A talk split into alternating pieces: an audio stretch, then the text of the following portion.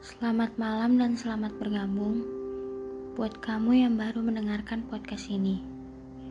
Gue Tasya, dan gue yang akan temenin kalian dengar cerita di dinding suara. Sebelumnya gue mau ngucapin selamat liburan dan selamat lebaran. Dan episode kali ini gue akan bercerita dari cerita pribadi gue dan ceritanya akan gue mulai dari Halo gue Tasya.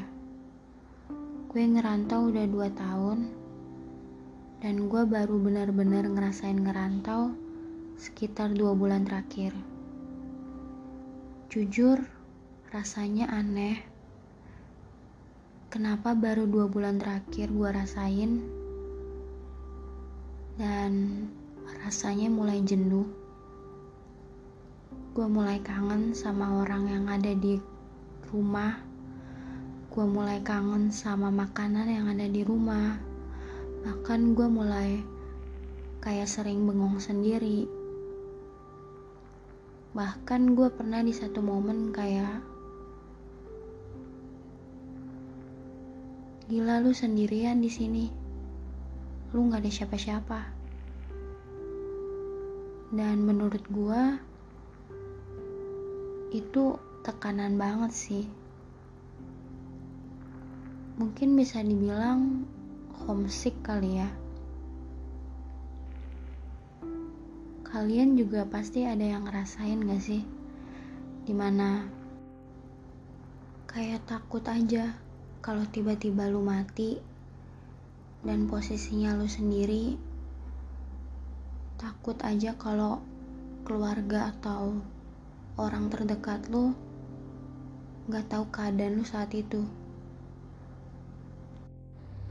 Dulu gue mikirnya gitu. Cuman karena seiring berjalannya waktu, gue udah mulai mikir kayak kita tuh nggak bisa hidup sendiri. Kita masih butuh orang dan hidup itu harusnya bersosialisasi, bukan lu sendiri doang. Dan kalau boleh jujur, gue itu lebih suka bercerita sama seseorang yang gak tahu tentang background gue gimana. Jadi ceritanya itu kayak lepas aja kalau gue cerita ke orang tua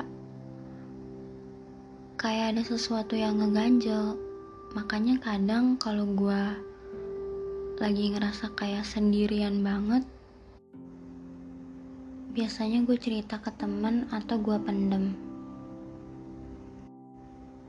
Dan menurut gue salah juga sih.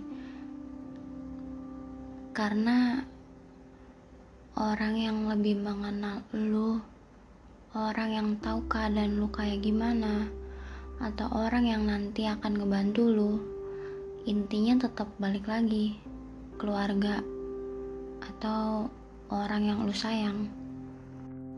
Bilang sayang atau kangen sama seseorang yang berarti di hidup gue. Gue takut kalau orang-orang yang gue sayang gak ada. Dan gue belum pernah ucapin kata itu ke mereka. Mungkin dari kalian ada juga yang ngerasain kayak gue kayak lu sayang sama keluarga lu sayang sama sahabat sayang sama temen sayang sama rekan kerja, tapi lu gak berani ngucapin. Lu terlalu gengsi, dan semuanya lu pendem. Ya, gue gak bisa berkomentar juga akan hal itu, karena itu juga masih problem di gue. Gimana caranya nurunin ego? Gimana caranya ilangin gengsi? Dan di sini pun gue masih belajar. untuk coba mengenal diri gue, mengenal lingkungan gue, dan mengenal orang-orang yang ada di sekitar gue. Pernah di satu momen, seseorang bilang ke gue secara general, dia bilang kalau sebelum lu bahagiain orang lain, lu coba untuk bahagiain diri lu sendiri. Karena waktu gak bisa diulang.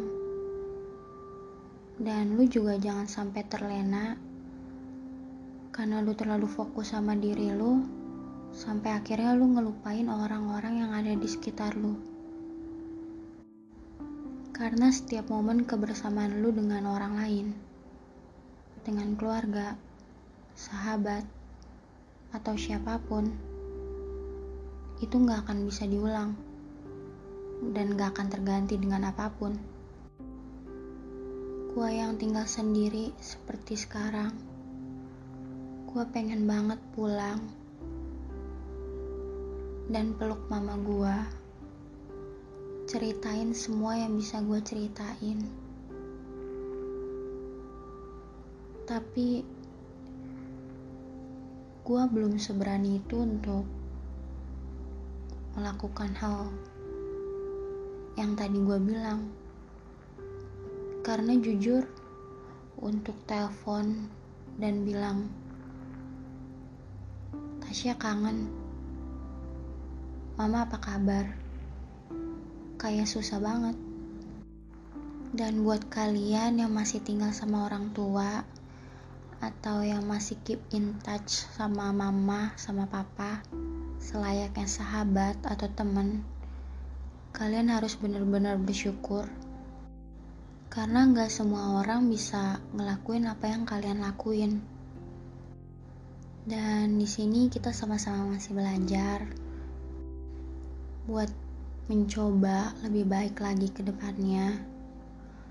Siapa tahu dari sharingnya gue ini kalian gak ngerasa sendiri.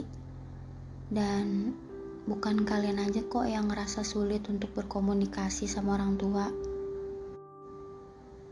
Apa pun yang terjadi tetap keep in touch sama orang tua. Walaupun kalian ngerantau atau kalian tinggal sendiri atau sebenarnya kalian satu rumah tapi nggak teguran atau apa pun ya intinya seberat apa pun masalah kalian balik lagi ke keluarga. Dan gue Tasya akhir dari cerita terima kasih